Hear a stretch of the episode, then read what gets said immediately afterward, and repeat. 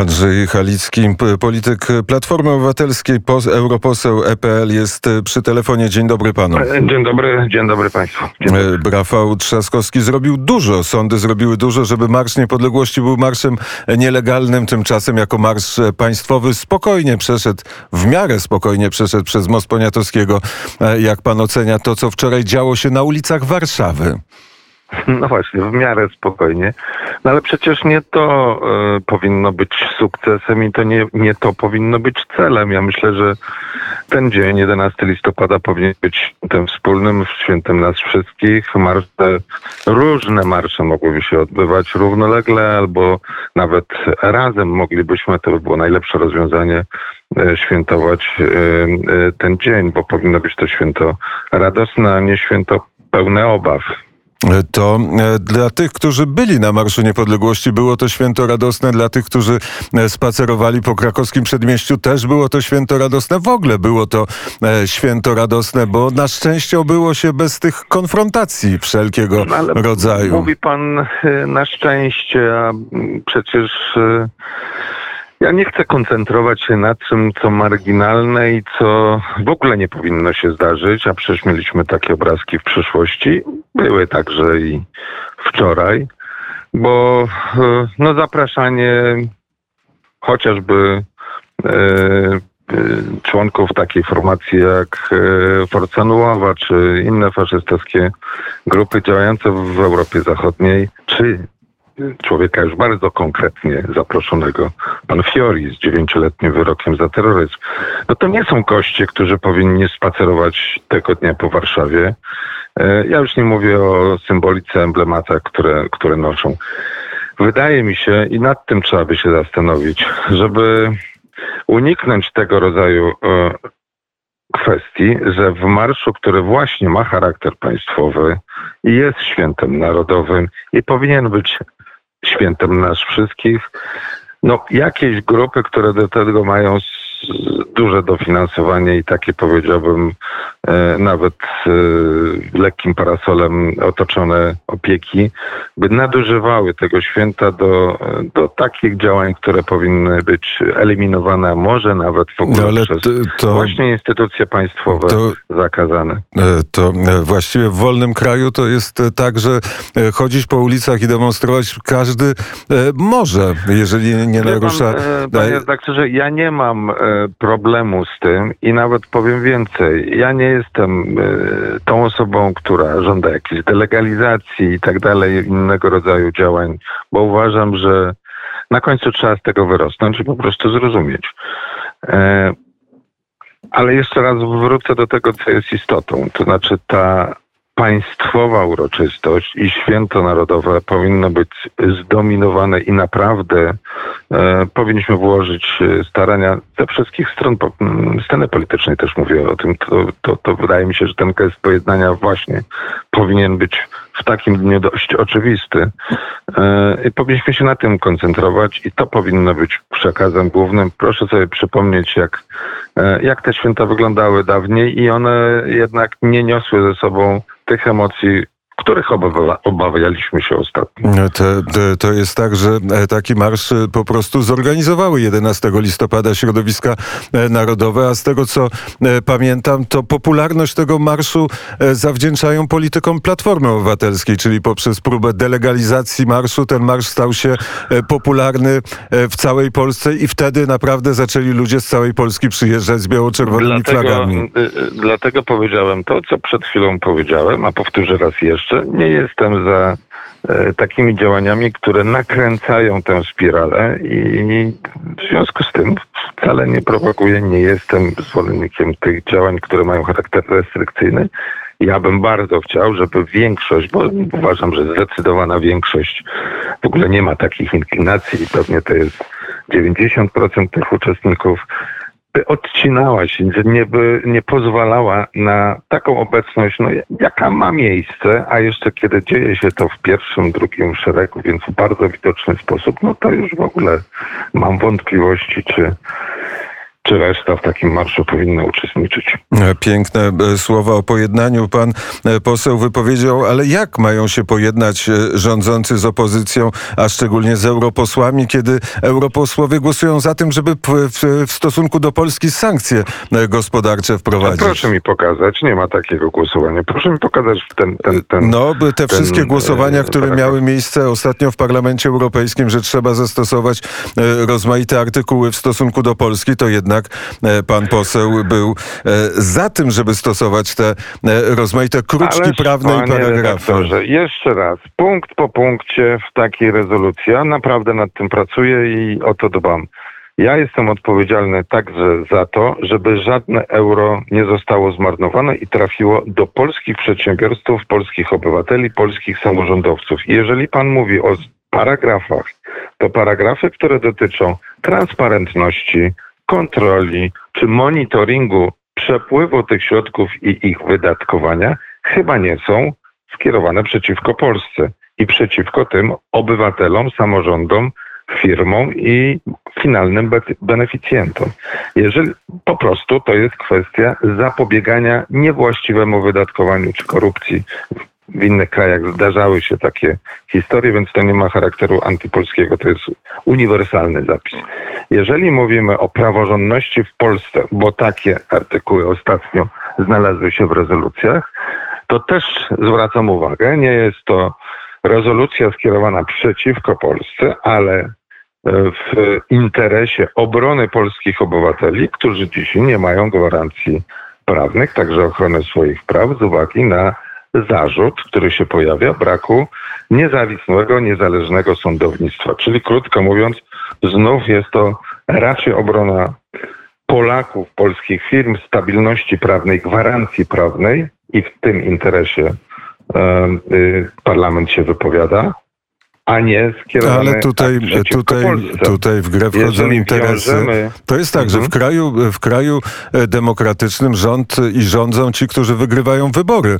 E, I No, oczywiście Platforma prawa, Obywatelska, Nie mają prawa, ale, nie mają prawa nadużywać prawa i stawiać siebie ponad prawem. No, ale, to ale, przyzna, to, ale to, to, to wróćmy do tej, do tej praworządności, chociaż to nie jest też temat naszej dzisiejszej e, rozmowy, bo praworządność i to wszystko, co się dzieje wokół Unii Europejskiej zeszło na drugi plan, bo na pierwszym planie jest to, co dzieje się na polsko-białoruskiej e, granicy, ale tej No praworządności w Polsce nie było. E, tak naprawdę te sądy, o których pan mówi, sądy niezależne, te sądy niezależne nie funkcjonowały, były zależnymi sądami. W, oglądaliśmy Dobrze, i rozmaite filmy i są, i są te przypadki debata, korupcji w sądach. debata. No, no właśnie. No. Osobna debata, jak uczynić sądownictwo e, sprawniejszym, żeby poczucie sprawiedliwości rosło, a nie malało. Dzisiaj mamy dłuższy proces oczekiwania na sprawiedliwość w cudzysłowie niż wcześniej, więc nie naprawiliśmy tej, e, mówię ogólnie, tej, tej sprawności działania sądów, a odwrotnie wydłużyło się o 60% postępowanie.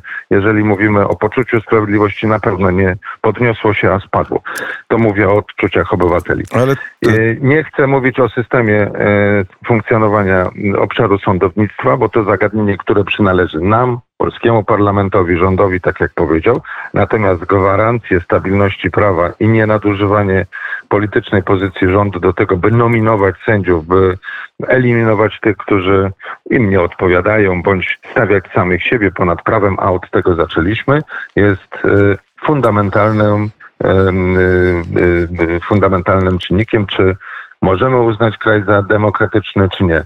Czy w naszym kraju ta sytuacja się poprawia, czy pogarsza? No więc obiektywnie można powiedzieć, pogarsza się. Tak jak- tak Także jak obiektywnie można- mediów. tak, tak jak obiektywnie w, w mediach nie jest tak źle, bo właściwie są No, kraje w, w Europie Zachodniej, w, której, w których jest e, zdecydowanie gorzej, ale jeżeli pan mówi o tej wolności i demokracji, to jak w tym kontekście zakaz Marszu Niepodległości czytać, który, e, który wydał e, prezydent Trzaskowski. Ja powiem, wiem, że pan... Nie wpisuje Ja się, wiem, że pan się nie wpisuje, w- ale, No właśnie. ale, ale, ale jedno z drugim ma coś wspólnego. No albo wolność dotyczy Dlatego wszystkich, nie albo jestem nie dotyczy. działań restrykcyjnych, jestem zwolennikiem działań na przykład w tym wypadku służb, które nie powinny dopuszczać do tego, by symbolika zakazana pokazywała się, zwłaszcza podczas tak y, ważnego święta, jakim jest Dzień Niepodległości Czyli Polski, w Polsce i w Warszawie. Y- Mieście tak doświadczonym przez pożogę wojenną właśnie y, to nie chcę powiedzieć tychże, bo przecież to jest zupełnie inna generacja, no ale jednak e, środowisk, które odwołują się do, e, do swoich faszystowskich korzeni. Nie, nie, nie chcę kontynuować tego. Uważam, że to Tak, jest bo się, margines, bo ale się, trzeba bo eliminować się, ten margines naszego życia. zagubimy. Oczywiście również pan tak uważa w stosunku do e, symboli komunistycznych. Czerwone Oczywiście, flagi, że sierp i tak, młot i te wszystkie ale- rzeczy, które się e, pojawiają w tle, powinny być, zakazana. powinny być zakazane. Dobrze. A Oczywiście. teraz się z tym, co więcej, no tutaj raczej nikt mnie nie podejrzewał o sympatię, więc też to zdanie jest z mojej strony bardzo stanowcze. E, Przejdźmy do e, sytuacji na e, polsko-białoruskiej granicy. Jakie sankcje będą Pana zdaniem skuteczne? Jakie są nastroje w Parlamencie Europejskim, jeśli chodzi o to, co dzieje się na polsko-białoruskiej granicy? I tu chciałbym podkreślić wielką solidarność e, wszystkich grup politycznych, praktycznie wszystkich grup politycznych w parlamencie z, z Polską, z działaniami, które, które prowadzimy, ale też ze z polskim społeczeństwem. Oczywiście pojawia się wątek humanitarny w tle, natomiast ważna jest skuteczna ochrona granic. I chciałbym powiedzieć, że dzisiaj e, bardzo jasne stanowisko, na przykład nałożenia sankcji na tureckie państwowe linie lotnicze, które widać wyraźnie zaczęły współpracować z, no nie tylko z reżimem Łukaszenki, bo tu widać w tyle także koordynację tych działań z, z Kremla. To też jest bardzo oczywiste. Można powiedzieć, że parlament jednym głosem upomina się o bardzo twarde działanie wobec wszystkich tych, którzy Łukaszence pomagają i wspierają. To już nie są tylko sankcje przeciwko Białorusi. I wydaje mi się, że ten głos dzisiaj bardzo skutecznie, żądający wręcz działań natychmiastowych od Komisji, od Rady Europejskiej, a więc rządów, to, e, to jest skute- to może być skuteczne działanie, które ograniczy ten proceder i myślę, że e, na przykład dzisiaj ostatnia informacja, że linie tureckie przestaną e, dowozić tych, no, tych migrantów, którzy są używani przez Łukaszenkę jak, jak broń, jak, jak e, takie narzędzie ataku na, na wspólnotę, na całą Unię Europejską, przecież nie tylko na Polskę. E, może, może zostać ograniczone w najbliższym czasie, ale musimy się spodziewać także eskalacji. Wobec takiego procesu myślę, że dziś warto się zastanowić, gdzie są, gdzie, gdzie są nasi potencjalni przyjaciele, a gdzie, e, no, a gdzie ci, którzy nie życzą dobrze wspólnej Europie, bo przecież no przypomnę, Salvini, który chciał wprowadzać cła, czy Marine Le Pen, która mówi o tym, żeby rozbić Unię Walutową. To są te głosy z tej części Parlamentu Europejskiego, które mówią jak najmniej działań wspólnych. To ci, którzy mówili, Putin y, ma rację. Y, Łukaszenka nie jest taki zły, trzeba z nim handlować.